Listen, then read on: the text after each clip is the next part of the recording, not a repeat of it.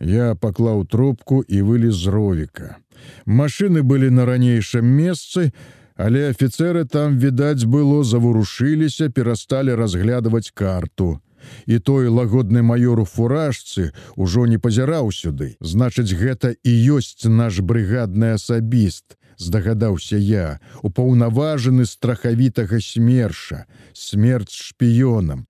Дагэтуль я нідзе не бачыў яго, ці можа ён у брыгадзе нядаўна. Нашага палкавога смершаўца ўсе добра ведалі.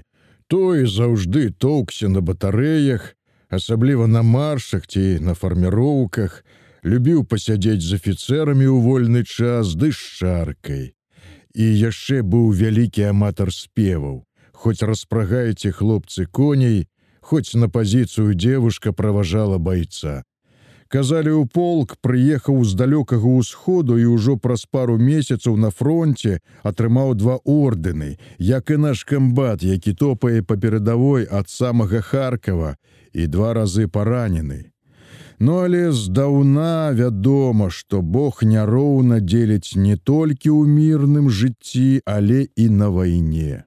Машыны з афіцэрамі нарэшце паехалі па дарозе ў тыл, трэба было папярэдзіць камбата. Палкавыя батарэі ў гэтай цеснай горнай даліне размяшчаліся па адной у некалькі эшалонаў. Першая батарэя была наперадзе, па той бок гарадка, адразу за пяхотай.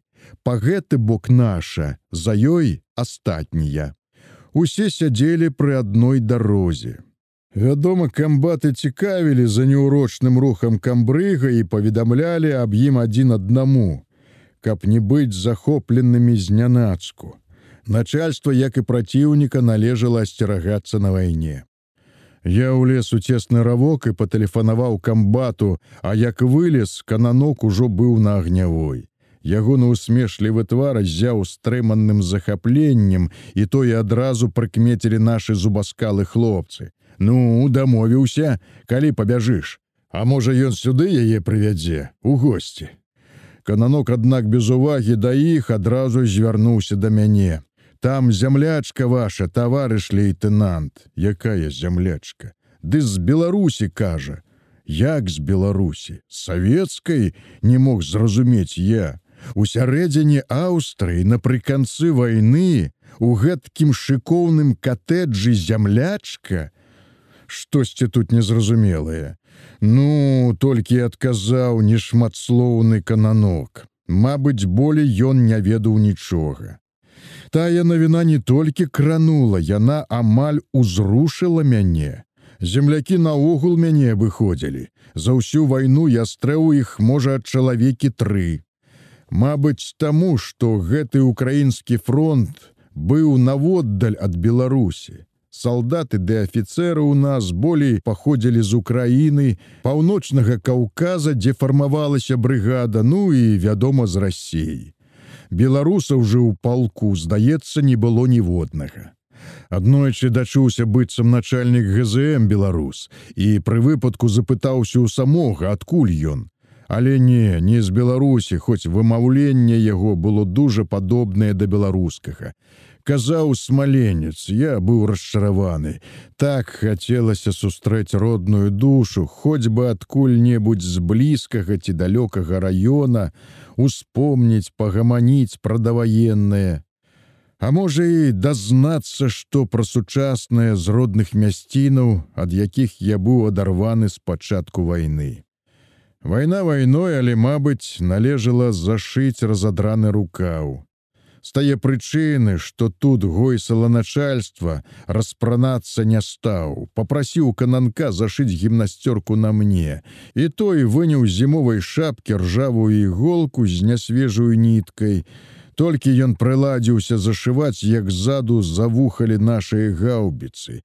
Цераз галовы, праразаючы тугое паветра, са шморгатам паляцелі цяжкія снарады. Спакваля з іншага боку глуха загаўкалі нямецкія мінамёты. Гэтыя, як і учора пачалі біць па гарадку. Між дахаў у дрэў пыхнулі ў гору дымныя выбухі. Два з іх зусім побач за лесапільняй. А ну усе ў равок. Цесненька адзін ля аднаго мы стуліліся ў вузкім раўку. На агнявой ля панарамы гарматы, як заўжды застаўся адзін наводчык сцяпанаў. Выбухі таўклі наваколле разбівалі ўшчэн дахі дамовак. Невядома было, колькі працягнецца той абстрэл, калі толькі гэта звычайны абстрэл без якога руху пяхоты. Калі з пяхотай будзе горш справа, можа і нам прыйдзецца ўключыцца ў бойку. Абармоты бурчэў тэлефаніст муха, не дадуць і паснедаць. Так сняданак між тым затрымліваўся, як бы не давялося есці яго разам з абедам, як пазаўчора. Тут у Аўстрыі зусім не тое, што нядаўна было ў Венгрыі. Калі мы пра кухню не дбалі, харчаваліся з цывільнага харчу, не трэба была ні пярловая каша, ні вермішэлевы суп.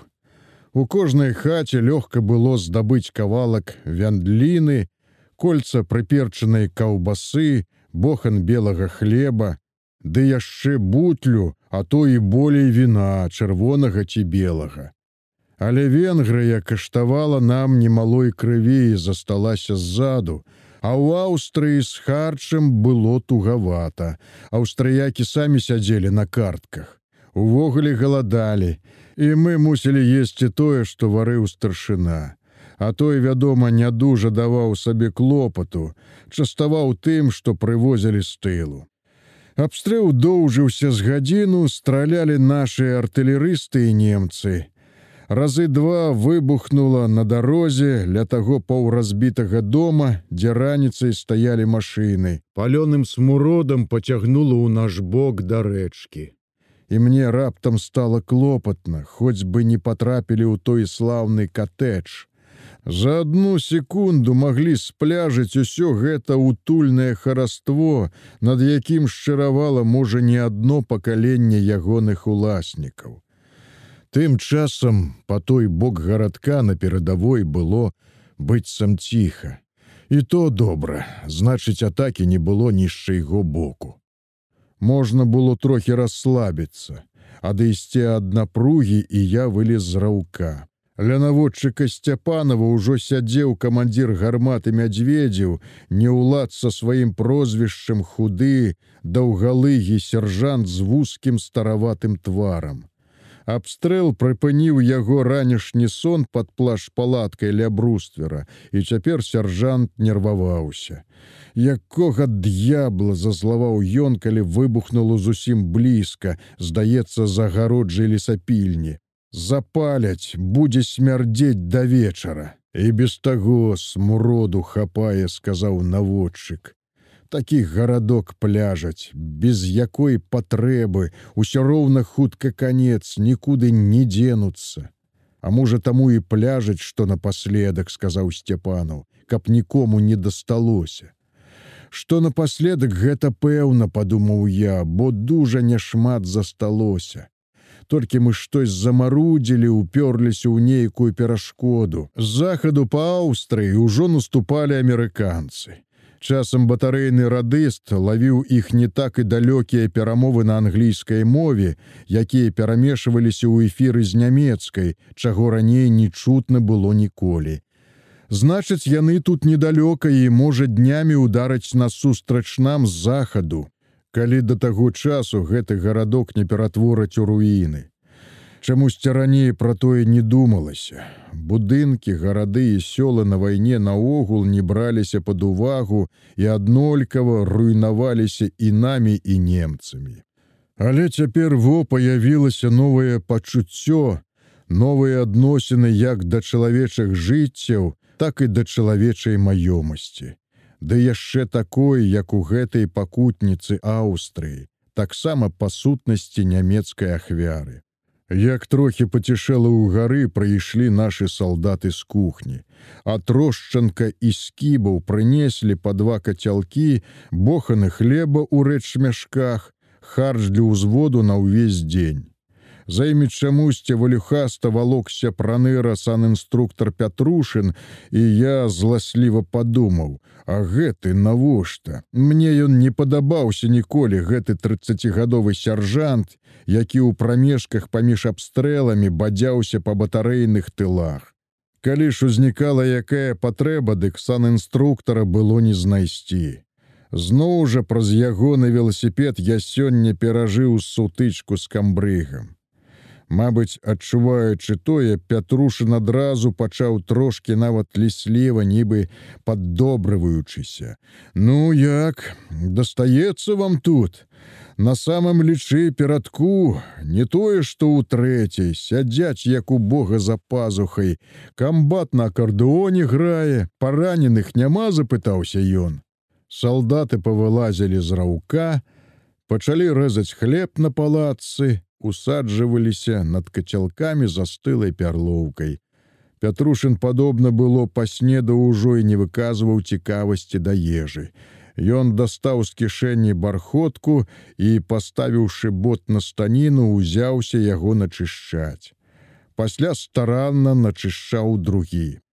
З усіх сяржантаў у палку адзін ён фарсіў у зграбных хромавых ботах, аб якіх не пераставаў дбаць нават у часе абстрэлаў. Начысціўшы боты і палюбаваўшыся на іх амаль люстраны бляск, санінструктор раптам успомніў: А дзе мой трафей, які трафей знарок не зразумеў я, велосіпед. Велосіпед камбрых адабраў, схлусіў я. Ды ну, так і адабраў, менавіта адабраў, вунь хай кананок скажа. Петрушын павярнуўся да кананка, які з маладым атросчанкам распачаў снедаць на брустверы. На мае словы той спярша заусміхаўся, ну адабраў. Так я і поверыў, засумняваўся санінструктор. Схавалі недзе. Ён пачаў азірацца каля агнявой шукаць веласіпед зазірнуў опусцелы равок за штабель снарадных скрынак под брызентавай накрыўкай не шукае не знойдзеш раптам сказаў мядзведзеў камбрыг загадаў аддаць кому аддаць у каго ўзялі ну навошта было гаварыць тое зласліва падумаў я. Хай бы шукаў дзе хоча Але Пятрушын адразу зразумеў, што мядзведзяў не падманывае і ні слова не мовіўшы, пераскочыў бруствер. Ты куды назад? Той толькі буркнуў штось на хаду і хуткім крокам скіраваў да катэджа. Гэта ўжо мне не спадабалася, але што было з ім рабіць? Па службе ён мне не падпарадкоўваўся, а звяртацца цяпер да камбата не мела сэнсу камбат з гэтым сяржантам чуўся ў надта прыязных адносінах. Той нядаўна яшчэ цягаў яму бутлі з віном, выручаў, калі ён перабраўшы ляжаў у кабіне студэбекера, казаў па тэлефоне камбат хворы, дыягназ малярыя. Той і праўда хварэў на малярыю, як зрэшты шмат хто на батарэі. Але хварэлі ўлетку і ўвосень, зімой малярыя не брала.